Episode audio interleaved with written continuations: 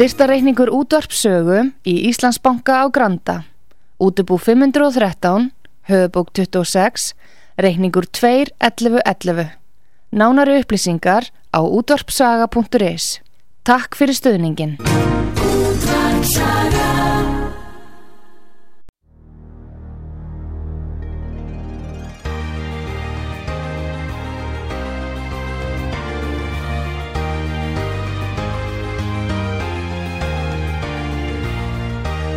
Heimsmálinn í umsjón Pétur Gunnlaugssonar.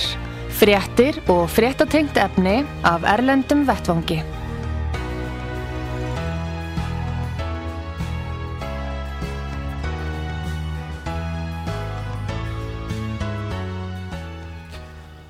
Góðir eh, hlustendur, þér að hlusta á útvarpsögu. Ég heiti Pétur Gunnlaugsson og gestur minn í þessum þætti er Hilmar Þór Hilmarsson, profesor við Háskólan á Akureyri. Velkomin til okkar. Takk fyrir. Takk. Nú við ætlum að ræða um alþjóðlega mál, við ætlum að byrja á hérna stríðun í Ukrænu. Nú eru liðin hvað, eitt og halvt ár rúmlega, einn ár sem var 24. februar 2022 og finnst þér ekki Hilmar að það borist frekar uh, já, takmarkaðar upplýsingar eða ófullnægjandi um ástandið í Ukræni?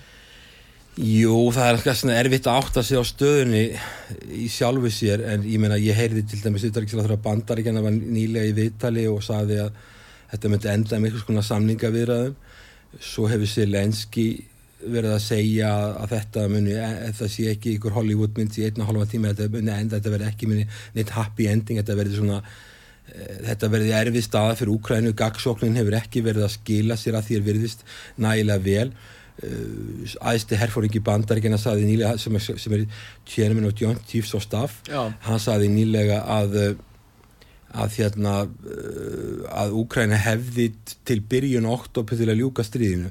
Því að nú fara að koma að koma vetur og það byrjar að ríkninga tímanbyrjun, það fer ekki að frista strax í Úkræna, Úkræna er það sunnalega Já. en þá verði erfitt að halda gagnsóknina áfram og það er náttúrulega út af fyrir sig ef það, ef að, og ég hef enga get ekki dreigið það eitt í ef að hann hittnaði bara í veðurfræðinga hersins sem að segja þetta í byrjun oktober verði það svona. Og þá munur úsar sjálfsögðu held ég fara að styrkja varnarlínundan aftur þannig að ég sé ekki fyrir mér að Úkræna nái mjög miklu svæði að rúsum á þremur vikum, auðvitað veit ég ekki með nefnir vissu, þeir eru að reyna að komast í getur þrjár varnalínur og eru komin í getur þá fyrstu og eru að reyna að komast í gegn með gríðarlega miklu mannfalli. Og ég held að Úkræna vil ekki eins og tala um það hvað sem ekki mannfall. Mm. en mér heyrðist það sem ég sá viðtal við nýlega við Selenski og CNN að hann væri ekkit bjarsýn, hann talaði um að hann fengi oflítið af vopnum og það ekki á langan tíma. Já og svo skilir maður þetta ekki alveg því að ef að, ef að æsti herfóringi bandarkinn segir ok, við getum ekki verið með þess að gagsótt fyrir í lok, fyrir í byrjun oktober, svo er að vera að tala með um að er ég að fá F-16 orðsutóttur og þær eru þannig að það tekur fjóra mánuð að þjálfa flugmenn og þær bara fljúa þeim. Svo þurftur umverulega þurftur að hafa meiri nýttlu tíma til að fljúa þeim í átökum og þá ertu að tala um að þær kom ekki fyrir einhver tíman í vor þá fljóðlega allavega ekki fyrir eftir ára móta einhverju gagni og þetta er ekkit marga vila sem er búið að lofa. En svo vantar alveg inn í söguna sko hvernig, hvernig á að halda þessum vélum við í Úkræn þetta eru félag sem fóru, fóru í nótkun 78 Já. og þetta eru 45 ára gamalt gömul hönnun. Og, og gamlar vélar mest, mest að þessu og halda þeim við hvernig á að þjónistæðir og hvaða vopn þau eiga að fá. Og svo náttúrulega vopnasendingar til Úkræna hafa verið uh, klöstur, klassasprengjur sko þetta lítur einhvern veginn þannig út eins og þessi að, að, að, að Úkræna nái kannski ekki að styrkja sinna stöðu svo mikið þannig að hún nái miklu landi tilbaka og það eru engi merkjum það að rúsar séu að fara fara að gefa eftir eða, eða vilja semja og þeir eru að jáfnveil gætu, eru að kalla á fleiri hermenn, þeir eru náttúrulega miklu fleiri. Ég meina þeir eru svona fimmsunni fleiri en úkrænumenn mm. kalla fleiri hermenn og það gæti alveg verið að rússar ef að þeir ná yfirhundinni að þeir vilji ná til dæmis Odessa alveg og Ræminni alveg og Moldófu þannig þeir séu konum með alla strandleikina svartahafinum og Kharkiv. Það getur verið að rússamunni ná meira á svæðinu. Þannig eins og segir það, maður veit ekki alveg, alveg nákvæmlega hvað er að gerast á vývellinu og, og við höfum ekki aðgang á fundum sem eru bak við lokaða dyr. En þetta lítur ekki þannig út núna að Úkraina sé á næstu þremur vikum að ná þessum rúmlega 20% svæði að land, að, að, að, tilbaka sem að sem að tala um að gagsókn þetta vera. Úkrænumenn hafi ekki náð þeim árangur sem búist var við með þessari gagsókn það Nei, er það sem málist í það, sund það hefur ekki verið það hefur ekki verið og það virðist ekki virðist, það, það virðist ekki alltaf verða þegar ná að brjóta niður þessar varnalínur og það er alltaf sérstætt sko að því að bandargemenn náttúrulega stjórna þessu stríða miklu leiti Já. ég meina það var það ekki vital við John Teeves og staff æsta herfóringi bandaríkjana Já. og hann var að sína bara og það var verið að sína bara kort af Úkrænu, vývellinum og stjórnstöði í bandaríkjana sem fylgdist með öllu sem var að gerast Já. og uh, hann talaði um að það væri þarna, væri þarna mikil óvissa u- um framhaldið en ég meina ég, ég sé, maður sér ekki fyrir sér að þeir séu að náðast tilbaka og þá svo ef að það verður ekki og, og, og, og oktober kemur og rikningatímar þá fara rússar að styrkja sína varnalínuna enn meira. Þannig að maður sér ekki fyrir sér að sko, það- hugmyndin hugmyndin hjá Úkrænum Vesturlandi var að ná í smiklu landi svo hægt væri mögulegt væri að Úkræna væri, að- væri, að- væri að semja við við hérna rússa út frá sterkri stöðu eins og þeir orðaði frá position of strength sterkri stöðu. Og hérna en það virðist ekki alltaf gerast og mér fannst nýlegt viðtal við Selenski og sína, vera, sína frekar að hann væri svona það væri ekkit vala bjarsít, hann var bara að segja að þetta er ekki Hollywood mynd með happy ending. Þetta verður bara, þetta er harmleikur raunverulega það sem hann var að segja. En, en upplausnin, það er styrjöldin, jú, en það er upplausnin í samfélagin, alltaf hagkerfið í rúst. Þeir voru skráðir eh, þegar að þeir verða sjálfstæð og fullvalda ríki 1991, þá eru þeir 52 miljónir líklega já, skráðir.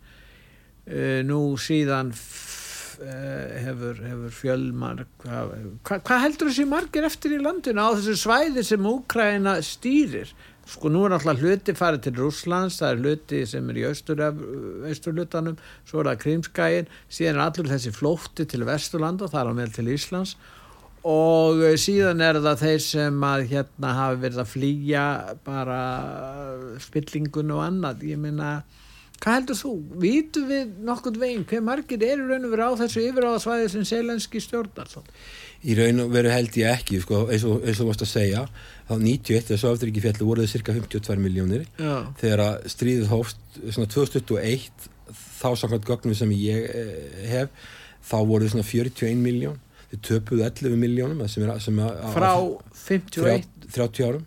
Frá 1991 Já. til 2021 það, það er álega fjöldu öll svíþjóð. Hvernig, að- hvað er að tapa? Er það bara fólki er að flýja fólkið er að flýja spillingu og óstjórn voru Það er unga fólki og gamla fólki verður þá eftir. Það er aðalega það er aðalega unga fólki sem að er að fara sem er, hefur svona betri mentun Já. og tungumála kunnáttu Já, og Evrópusambandi er umverulega með því að eins og þú veist að þeir Evrópusambandi ákvaða að fjalla, fjalla niður kröfum Schengen áritun ákvæðinumenn Já, þeir fengur bara sér með það Já, fá sér með þeir geta farið sem ferðamenn vinna svo ólöglega, þeir hafa ekki að kannski endilega Nei. þeir fara svo bara að vinna ólöglega. Já, og á lágun launum og þetta er fólk sem er yfirleitt bara duglegt fólk já.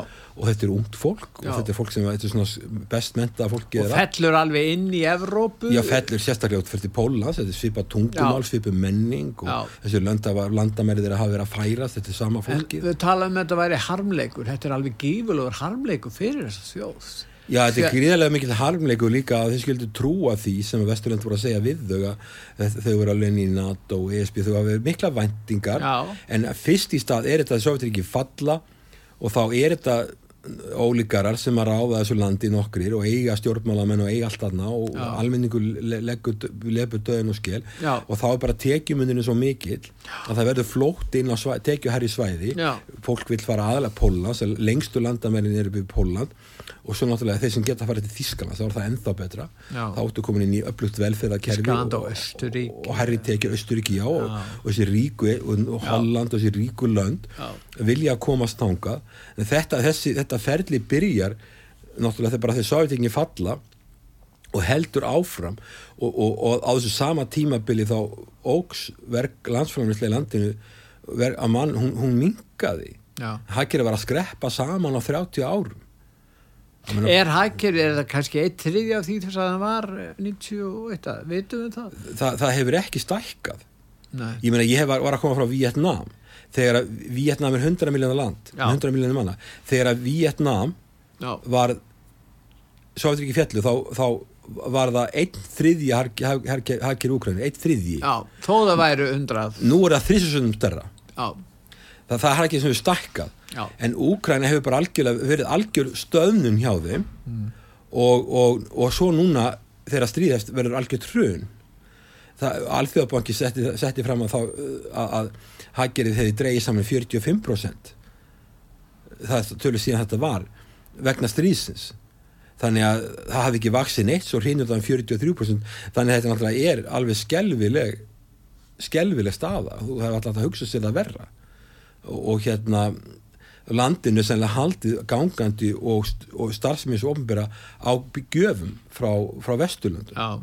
Þeir eru háðir altså Washington og Berlín og Brussel, það er ekkert öðruvís. Já, ég með þeir, þeir eru með þess að fá peningasendingar hér frá okkur við, Já. við erum að láta hafa svo kallan budget report Letum við fá 5 miljardar í fyrra. við, við höfum verið að láta að hafa peninga til, til þess að hérðan og, og öll lönd sem eru vinnveitt Mm. uh, Úkræni hafa verið að láta að hafa lönd, peninga til þess að reka það er kallað- það er bara budget support sem er svona til bara til að reka hefði opinbera halda upp í skólastarfi og heilbríðskerfi og öll svona grunnþjónu grunn, grunn ríkisins. Það er fjármagnaða utan. Þannig að en auðvitað það lámar starfsemi en, meina en þetta land sko, það er búið að missa mjög mikið af sínum mannauð og getur, svo náttúrulega á sér stað slátrun á ungum mönnum aðalega Já. á vývellunum og þú getur ímynda hvernig fæningatíni muni fara í þessu Já. landi og öldrun að vandamál verða mikil Já. þú er búin að missa út þeirra aðstæðan aldursóp annarkort með því að flýja í burtu Mm. og vil ekki koma tilbaka eða vera slátrað á vývellunum þannig að þetta er glæ, þetta er, þetta er alveg hryllileg staða og, og, og að það kom í veg fyrir að þetta gerðist er, er algjör hörmung en, en hérna, Þetta eru meir, meirleikar mestu mistök í, í hérna í diplomati sem bara hefur átt sér stað lengi eftir stríð. Ég sko maður veldi því fyrir sér svona öflug lönd eins og bandaríki, svona ábáslega ríkt og valda mikið land og svo Evrópusambandi með, sem eru uh, í því rík lönd að þau hafa ekkert það sem er kallað soft power. Og, og, og En nú vissu þeir alveg um að rússarnir ætluðu, sko ég hafði ekki að trúa því að rússarnir ríðast inn en, en þeir vissu það, töldu sér vita að þeir gerðu það þannig að, að þeir vissu alvöru málsins í raun og veru í Þe- desember 2021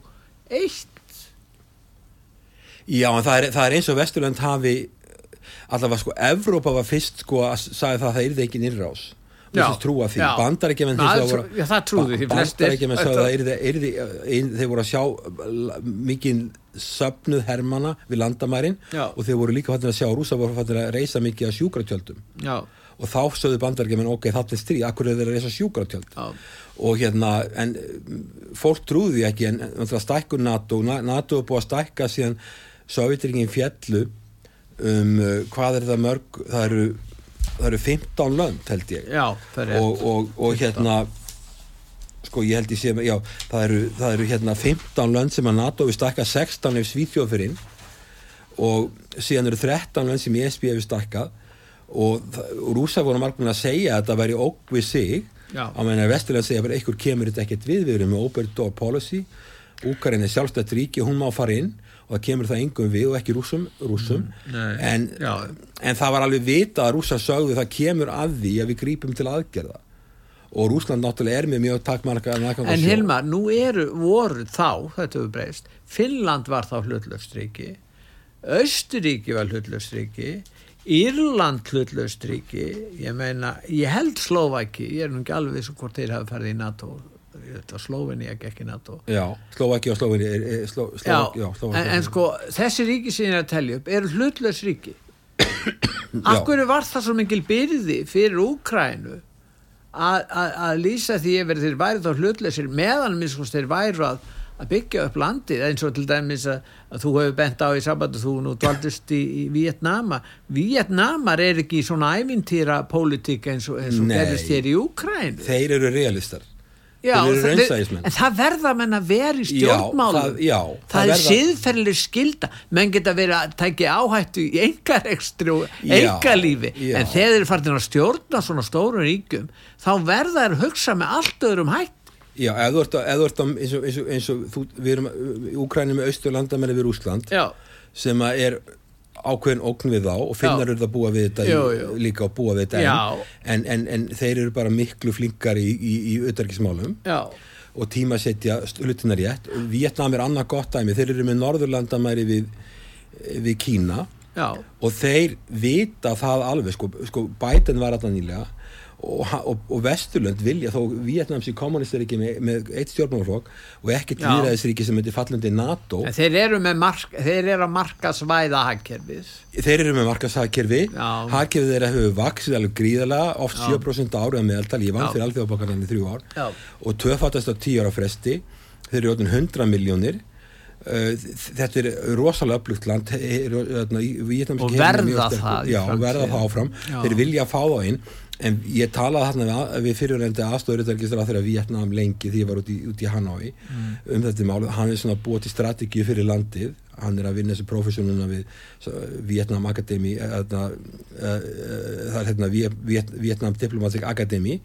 Að, að þeir vita það alveg að það borgar sig ekki, þeir eru með þessi Norðurlandamenni, svo eru þeir með Suðu Kínahafið og eigjar sem þeir eru að deilum, þeir vita að það borgar sig ekki fyrir þá að fara inn í formlegt varnabandalag við bandaríkin vegna þess að þeir myndu segja að vera ómikið augrunum við Kína, segjum að þeir myndu ganga í eins og eitthvað NATO-bandalag segjum að þeir myndu ganga í bandalag með Japan, Suðu Kóru uh, Ástralíu. og, í, í Ástralíu já, og bandaríkjunum og fara að staðsetja hermenn við Norðurlandamærin, Já. Vietnam Já. og setja hermenn frá þessu bandalagi inn á eigjarnar þeir myndu aldrei gera þetta því þeir vita að viðbröðin við Kína get, Kífari getur verið opbóðsleg Já. sterk viðbröð og Kína gerði, var, var reyndar í stríðið þarna til 79 sko. 79 þeir var, vilja var, ekki taka áhættuna þeir- þeir hafa, voru ekki átökanda hvað 79 Jú, og þá stóðu þeir vel að vigi í Vietnam en þeir gátu varist þeir eru mjög sterkir. Þeir hafa sigrað frakka í stríði Já, já. Japani, Bandaríkin og, og, og Kínverja. Að vísu, sérstaklega við Bandaríkin með miklu, með miklum tilkostnaði mannfalli en þeir unnu samt. Og þeir eru, þeir eru mjög harskett lið. Þess vegna er ekki skrítið að þegar Bandaríkin hafa ágjör uppgangi í Kína Mm. að þeir vilji fá Vietnam inn í eitthvað pakka hjá sér. Mm. en Vietnamar eru fegnir að fá bæten í heimsók og, og ég veit, það alveg þegar að, að, bandaríkjumenn voru ekkit óvinnstælir þegar ég var í Vietnam frá 2003-2006 fyrir alþjóðabokkan að, bandaríkjumenn voru ekkit óvinnstælir þar ungir Vietnam vildu bara slá striki yfir þetta Já. stríð og vildu bara byrja nýja, nýja kapla og Já. eiga góð samskipti Já. en það sem að, það sem að þeir, það, Vietnamarnir eru snjallir þeir eru að, það sem eru að gera með því að fá bætin í uppbæra heimsók Já. þeir eru bara að segja við kýmverja sko, hérna er bætin Já. og við erum hérna í góðum samskiptum Já. og við erum í miklum viðskiptum og auk vaksandi viðskiptum við, Við við, við Já.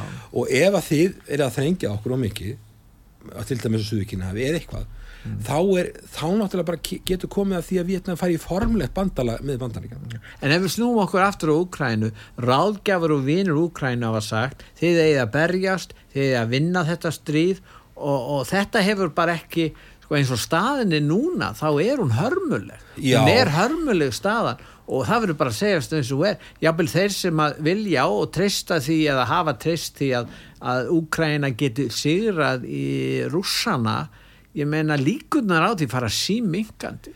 það lítur þannig út að það fari minkandi og já, já, vinna, vinna það, það, það er Þetta er ekki vinir þeirra, ég menn hugsa þér að ráðleika en þetta. Já, ég meina fyrir það að, að, að,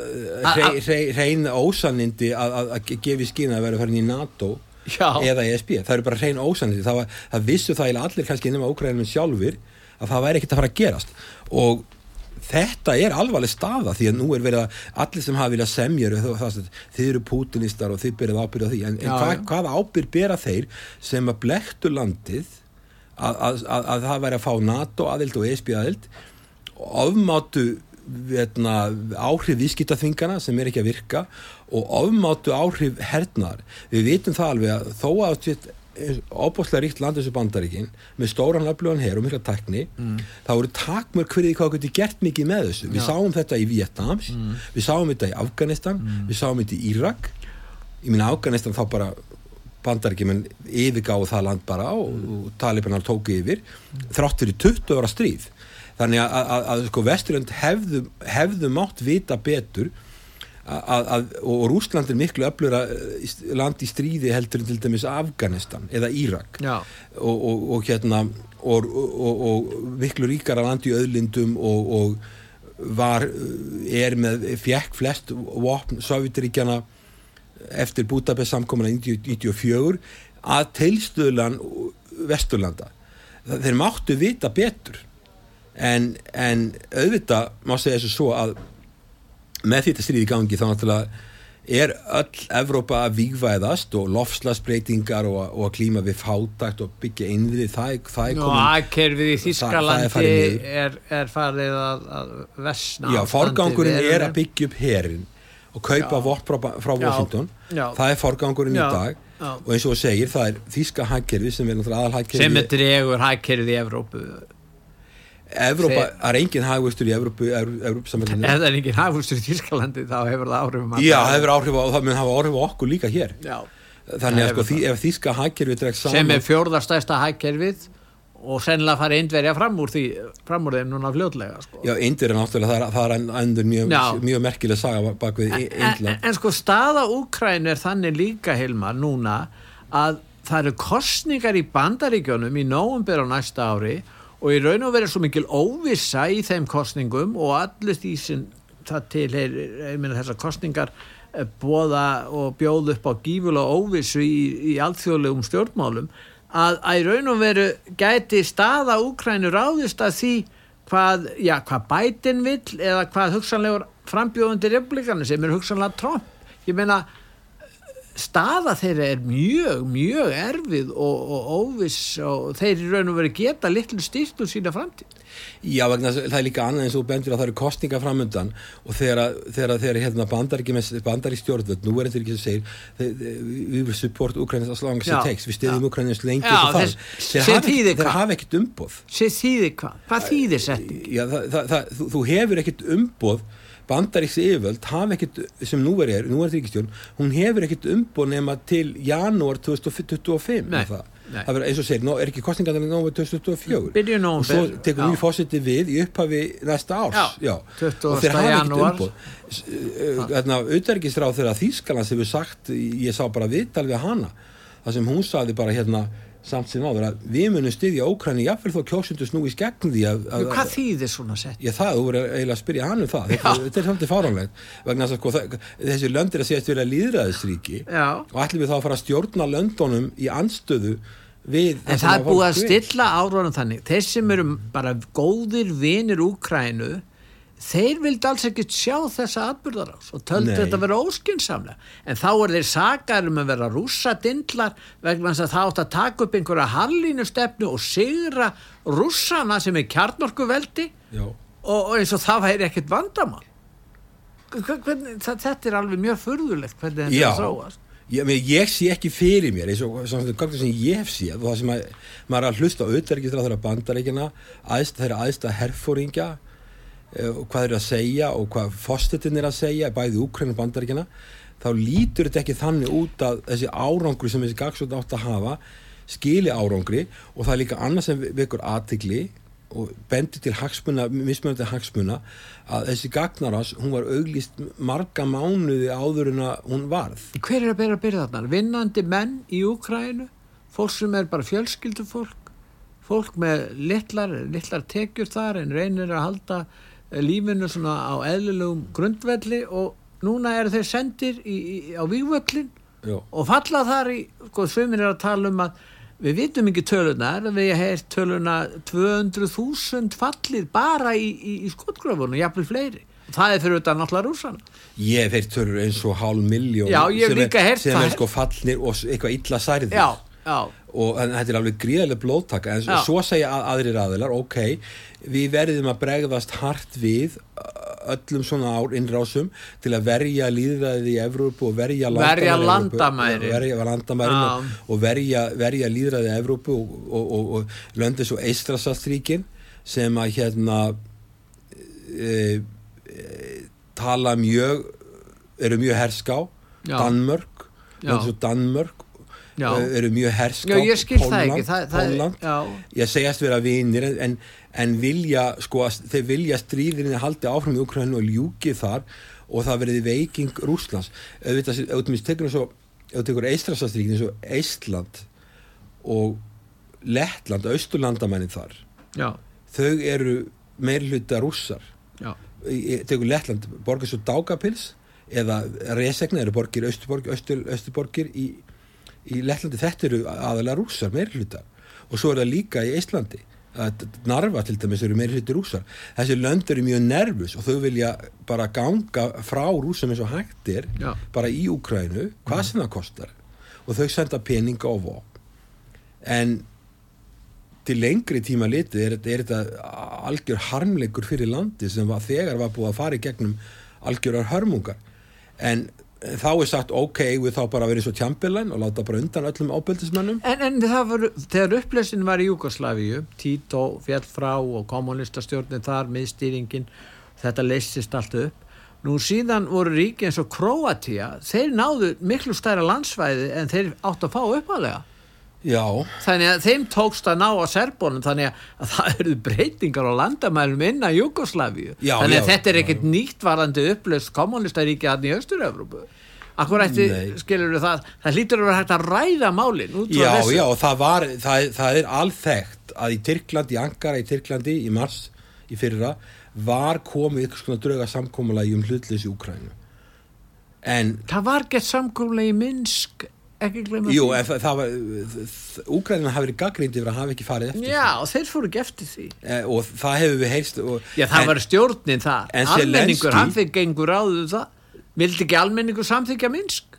Við vitum það aldrei. Nei, en, en ég meina Úkrænum vildu ekki en svo var Selenski komin með einhver samkomulagströg sem að Putin var búin að sjá Já. í mars þú- í fyrra, er, er manni sagt Já. og það er margir sem segja þetta en þá hafi Vesturlönd sagt við Úkrænu stjórn Úkrænu þeir skuli vinna stríðið og ekki að semja. Það hafi Boris Johnson sagt og það hafi komið skilabóð bandaríkin hafi talið að það veri hægt að vinna stríðið og og hérna svo eru sem þessi segja bara sér að semja við Putin og, og svo framvegis en, en ég meina sko, það er annað sem þessu er líka varandi, nefni Minsk samkomulagið, Já. að Merkel hefur gefið það út að það hefur bara verið leikur að- Sýndarmennska. já, til þess að, til þess að til þess að hérna, það var, bara, það var bara leikur til þess að vinna tíma til þess að byggja hér Úkrænu upp, þannig að við vitum að NATO og Bandaríkin voru að þjálfa eitthvað 80.000 hermenn á tímabilinu frá 2014 til 2021 Mm. og það átti að halda því áfram að styrkja hér Úkrænu og að, sko, þú getur ímyndaðir hvernig sem þú, sko, hvaða skoðun þú hefur á Pútin eða einhvern sem tekur við að Pútin eða einhvern sem stjórnar Úslandi í, nú, í nútíða framtíð hvaða Mm. tröst heldur að í staðar til að semja, það er ekki neitt en það segir utan ekki þá þeirra bandaríkjana að Pútin hafi engan áhuga á að semja núna það sé ekki merkjum að vilji semja Þú myndist á Boris Johnson á þann. Það er aðeinsverð, það eru bandaríkin og bretarnir sem auðvitað fylgja bandaríkjamannum í flestum málum og Póland. Það eru þessi þrjú ríki sem hafa verið í farabrótu þeirra ríkja sem hafa mælt með því að, og stutt það að, að Úkræna myndi bara vinna stríðið gagvart rússanum. Já, sko, sem þeir, þetta, þetta verið ólöglega innrás sem það var af hálfur rússana Já. og þeir eiga bara verjast og þeir munu halda áfram að styðja þá meðan það þarf að gera það. Nú pólveri er í sérstakri stöðu þannig að það er sögulega séð þannig að afstæða þeir er kannski skiljanleg þetta má segja að þetta séu svona fræn þjóðir. En afstæða englendinga og, og, og bandaríkja hún er hins vegar hún er dulafyllri Ég sko, ég held að Bret, Bretland fylgir bandaríkjanum Já. Já, það. það er sagt sko, menn gera grína því ef að, ef að, ef að Special relationship já, það sagði Winston Churchill það er talað um þetta special relationship í Bretlandi það er miklu minna að tala um það í bandaríkinu ég byrði í bandaríkinu í tíu ári, ég er aldrei að tala um þetta special relationship, en það er oft talað um það ef þú ert í Bretlandi, þá talaður um það. En, en hérna sko, ef, ef að bandar ekki með að segja, segja breytum að hoppa þá spyrja breyta hvað þeim að hoppa hátt sko. Já. þeir fylgja þeim í utarikismálum alveg hvort sem það er verkamannaflokkur eða íhalsflokkur við þeir eru mjög harðir og það er sumliti þeirra afstæðaskiljanleg segjum að rússar myndu taka Úgrænu, ef þau hefði tekist það. Já, þá væru austurlandamæri Rússlands komið við Póland já, og það vilja pólverjar sko ekki sjá. Nei. Þannig að þeir eru alveg brjálaðir að, að halda sko Úkrænu í einhverju formi já, annar, þó að það sé ekki þeim bara hluti af landinu sem sjálfstæður ríki til þess að sé einhvers konar buffer einhvers konar stuðpúða milli þeirra Rúslands ef að, Austurlandamæri Rúslands eru komin að Pólandi það, er- það er, Pólverjar eru örgulega tilbúin að leggja mjög mikið á sig já. til þess að koma í vekk fyrir það. Þannig ég skil alveg þá afstöð Já, ég er að segja, það er sögulegar ástæði Já, þeir átti alveg átökum bólverjar með þess að eftir fyrri heimstyrjöld Já, ég meina sko, þú, eins, og, eins og þú veist þá, þá var það þannig í setni heimstyrlutinu að þjóð, þjóðverar og, Pólver, og, og Sovjetriki skiptu bara Pólanda á milli eins og köku, þetta var bara skipti til helminga, Já, já, það var þannig. Þannig Mm, Góðir uh, hlustendur, er að hlusta á útvart sögu ég heiti Pétur Gunnlaugsson og ég, gestur minn í þessum þætti er Hilmar Þór Hilmarsson, hann er prófessor við Háskólan á Akureyri. Og við erum að ræðum alþjóða stjórnmál, við ætlum að hlýða núna á auðlýsingar, eftir auðlýsingar hlýða þá höldum við umræðin áfram.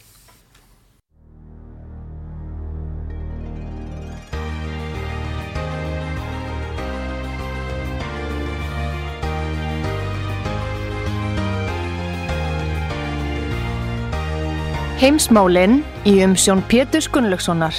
Fréttir og fréttatengt efni af Erlendum Vettvangi.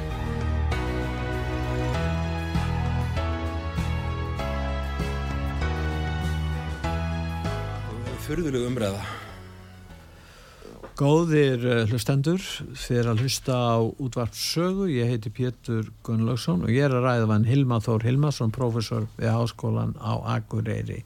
Nú við vorum að tala um Úkrænu og þetta Úkrænustríði hefur leitt til þess að, að auka tengslina á milli Kína og Rússlands og svona verða til að styrkja þetta svo kallega BRICS uh, hérna, samkómulag þeirra ríkja sem eru aðlæra því. Hvað segir um þetta? Valur? Já, sko, BRICS-hópurinn, hann er svona undir fóristu Kína Já, og þannig er þessi stóru nýmarkasríki að taka sér saman já, sem að eh, sko, við höfum það G7-hópin sem er þessi gömlu innríki já.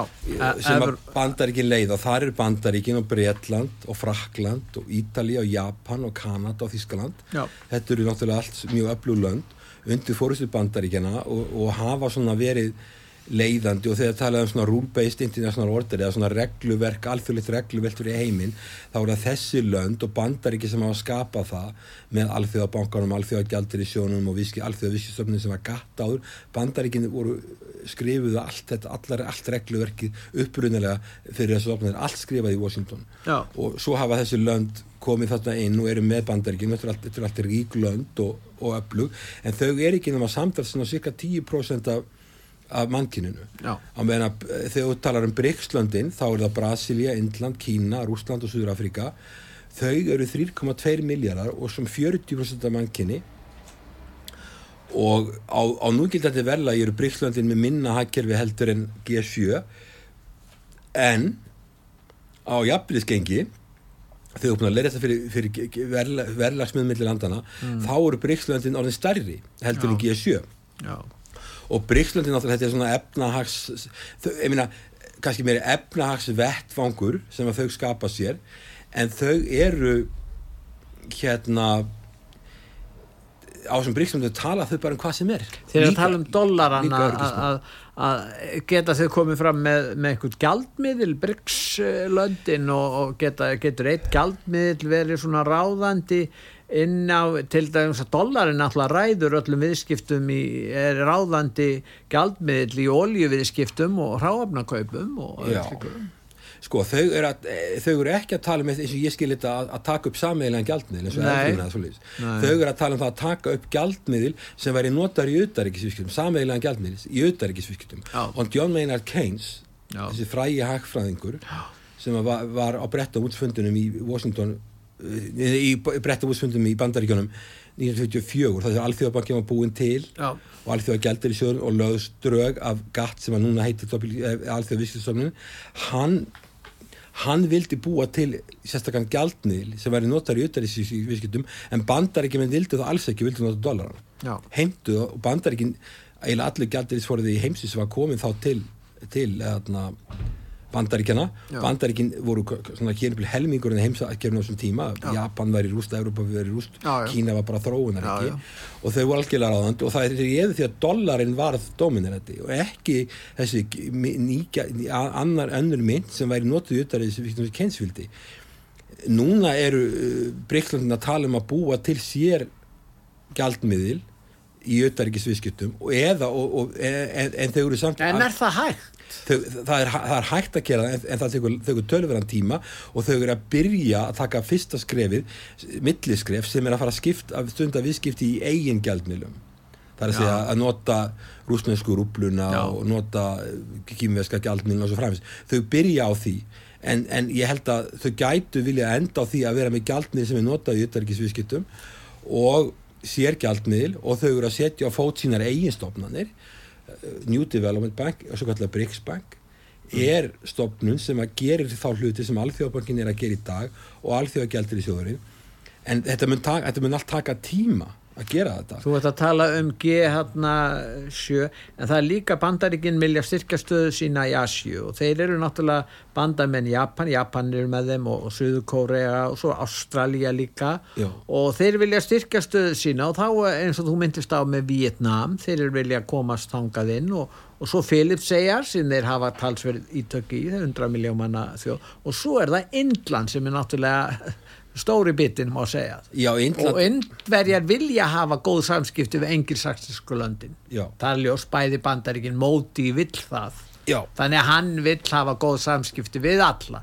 Þannig að spurningin allar hann að taka áhættu af því að vera hluta BRICS og reyta kanan til reyði út af því. Það er nú spurning. Já, sko, indverjar hafa verið mjög skynssamir eins og Vietnamar sko, þeir Asíumenn eru bara miklu meiri realistar heldur en við í Európu, við erum alltaf að hugsa um eitthvað sko, ykkur svona hvað okkur finnst að heimilin eigi að vera. Já, á meina þeir eiga auðveldar að hugsa um heimilin eins og hann er. Já, það, það, það, það, þegar ég er að tala við fyrir um uh, vara auðvitaðingisláþra Vietnam já. þá finnst mér ég bara að vera að tala sko, við erum á sem við blasum í öllu. Nei, þeir tala eins og fræði mennu já þeir eru bara raunsægis aðilar já. sama með Indland.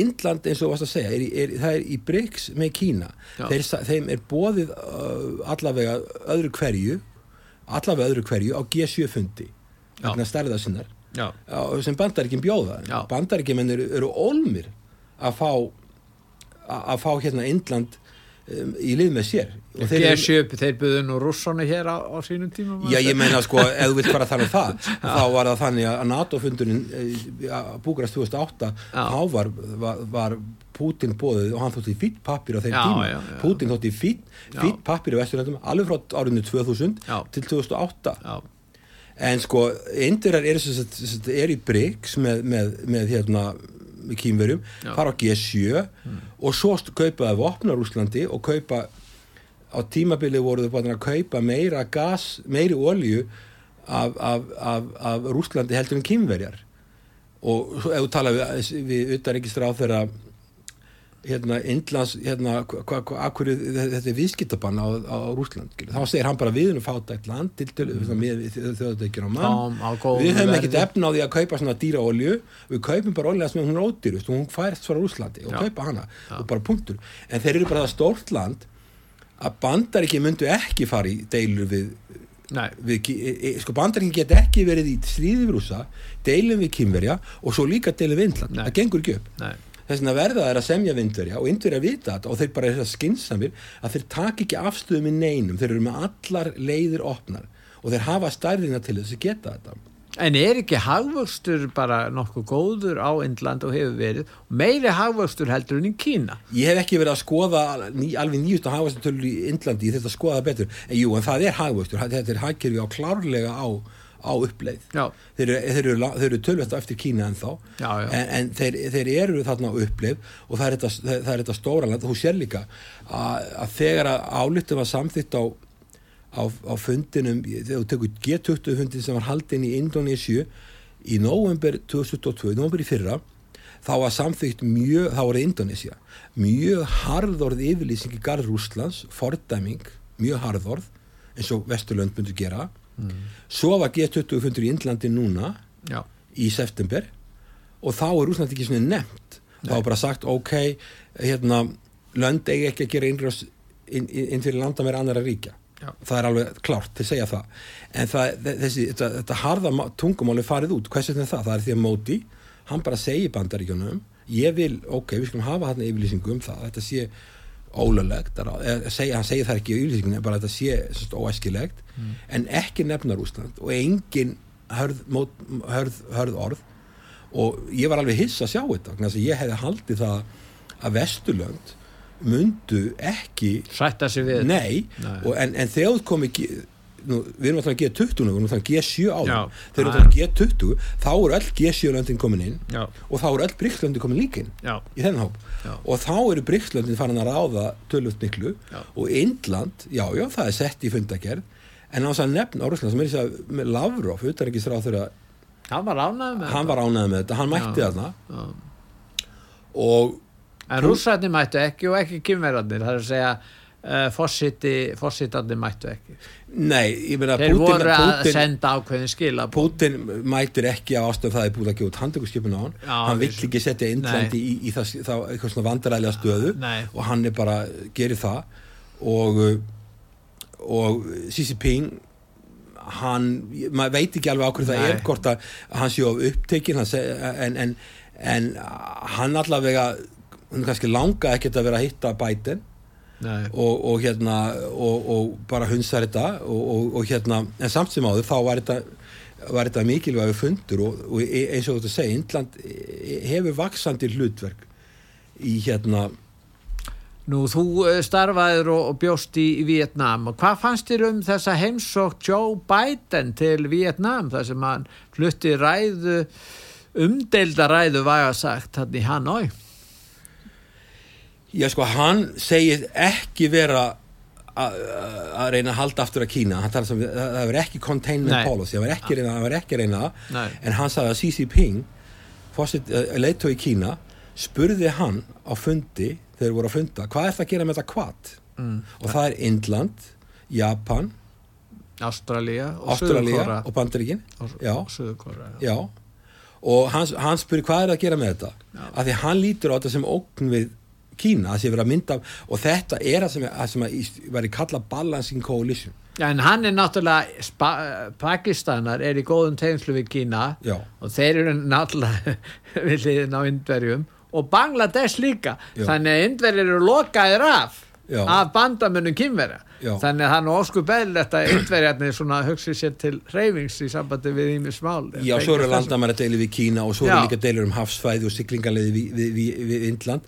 Þannig að, Þannig að þeir geta alveg spurt fórseta Kína af hverju eru þið að styðja Pakistan og Bangladesh Já, já, og, og spyrja þá líka á hverju eru þið með svona mikla kröfur á söður Kínahaf og austu Kínahaf það eru náttúrulega mikla deilur þar og, og hérna og það er einn ástæðan fyrir því að Vietnam að, það sem Vietnam er að segja með því að sko bandaríkjaman og Vietnamar hafa ákveðið að halda þarna blaðamannum þar og síðan kemur ofnbjör heimsókn með mi- mikil viðhöfn í Vietnam, gríðarlega mikil viðhöfn Já, og það sem Vietnamur er er að senda skilabóð til Kína, þeir eru klárir sko.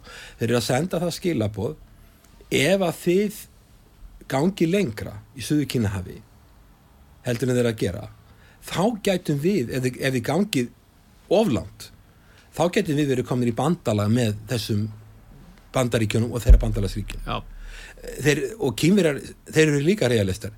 Þeir Já. skilja þetta alveg. Já, þeir verða að halda aftur að sér.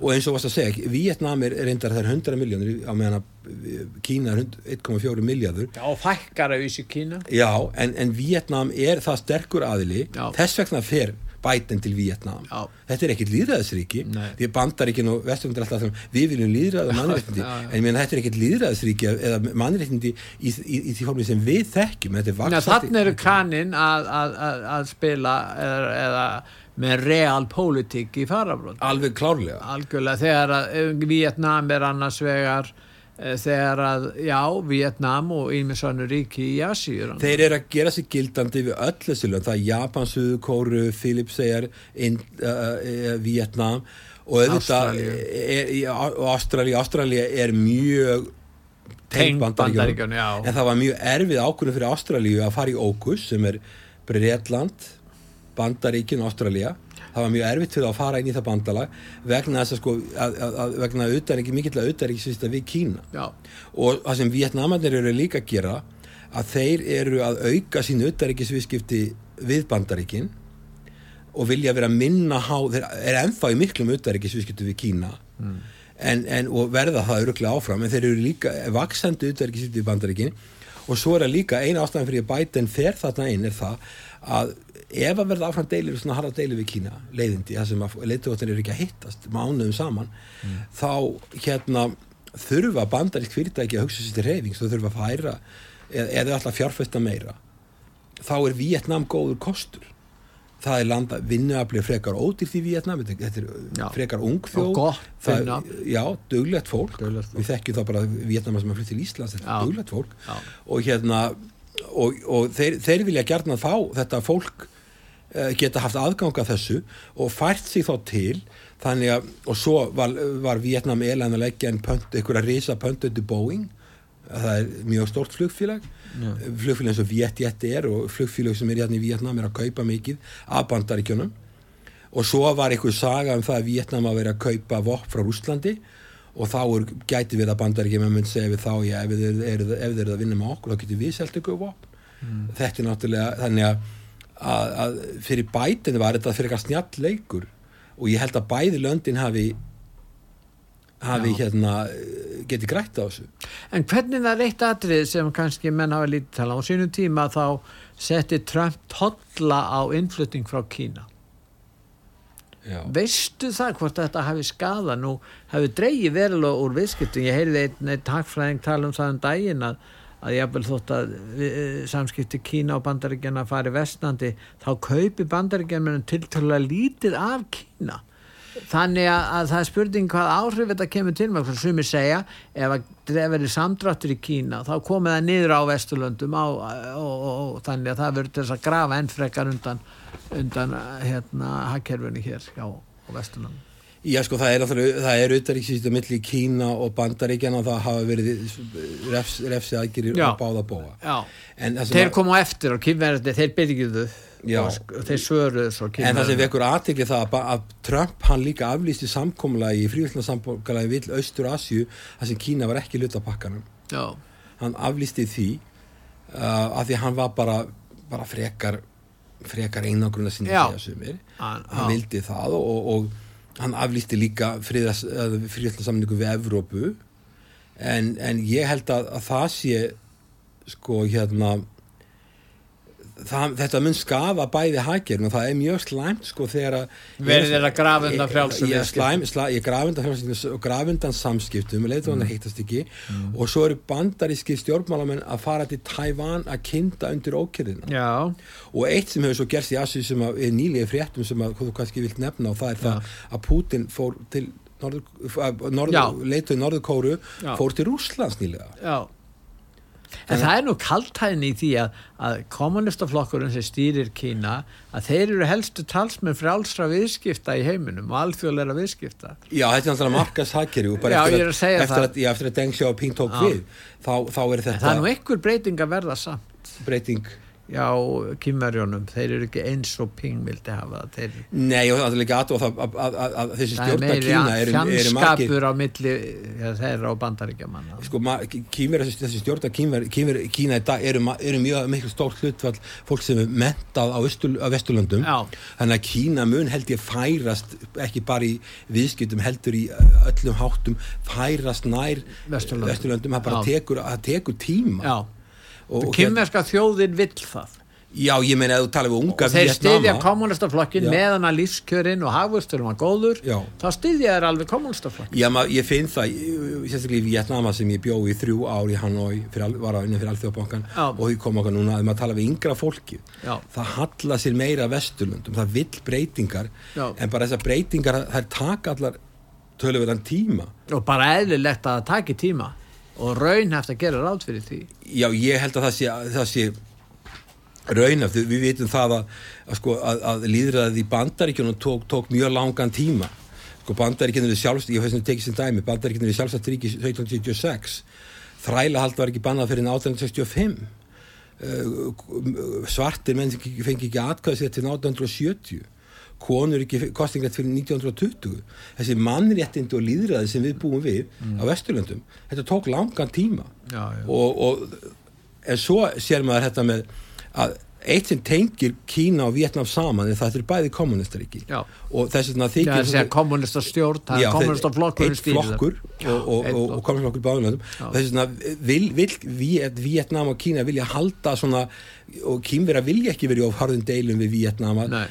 Vietnam að tala alltaf um Kínverja þessi stóra bróður og svo framvegis. Svo er Norður Kórea. Og þar var, var Putin að fara vegna þess að, að nýlega vegna þess að, að Norður Kórea vantar matvæli og Putin vantar vopn og, hann fer bara yfir Östurlandamæri Östurlandamæri inn í Rúsland Þegar umræða er um Kína í bandarískum stjórnmálum þá er gætna að tala um Tævan munu kínverja ráðast inn í Tævan í fyrsta lagi, í öðru lagi alla bandaríkjamenn að verja styðja Tævan í að verjast innrás frá Kína. Þetta er náttúrulega það, það er ennþá alvarlegri atbyrður heldur en það gerist í Já, februar það er ennþá alvarlega atbyrður og heldur en innrásin í Ukræn en bara þú sér, ef þú horfir á kort að þá er Tævan svo nálægt Kína. Það er taka það er mjög erfitt að verja það það en það, það er samt erfitt að taka eiguna já, það er mjög erfitt að þakka hana það eru, eftir sem bestu þetta eru Þetta er bandarískir herminn á Tævan í Já. Tævan Já. og það er erfitt að ná eiginu og, og hérna það myndi vera mikil kostnaður auðvitað fylgjast þetta, fylgjast kýfira með því hvernig stríði í, Úkræn þróast og hvernig það er Já. en það er því mjög mikil kostnaður fyrir það að taka það en samt sem áður að- ekki tíminn með kynverjum akkur ættu þeir að taka áhættu Menna, hvað gerir það til þó að Tæfan sé þarna með, með, með sjálfstæða sjálfstætt hægkerfi og starfs Já, Xi Jinping hefur sagt það að það sé markmið Kína að- að taka Taiwan. Já, það getur bara, það tekið eftir 20 ár að það Já, ég, ég held að vera ekki skynsalegt fyrir neitt. Ég, vil ekki, ég myndi ekki vilja stríð þarna. Ég held að vera ekki frekar en úkrænstríð ég myndi vilja forða því. Já. Og, en, en, en, en áður náttúrulega eru bandaríki sem eru aðal bandamaður Taiwan alveg ábúðslega langt í burtu. Guam, herstöðin er þarna. Já. Uh, hún er mjög langt í burtu bandaríki sjálf mörg þúsund mílur sko. Þannig að sko að- upp á það að gera þá er, er erfitt að verja Tæla- Tæ- Taiwan ef að kýmverjar allar sér að taka Taiwan að myndu er, er bandaríski flotin hann ekki langt frá Já, já, en, en heræfingar. en, en ég hef ekki trú að því að, að, að Kína fara að fara að gera innrás í Taiwan Nei.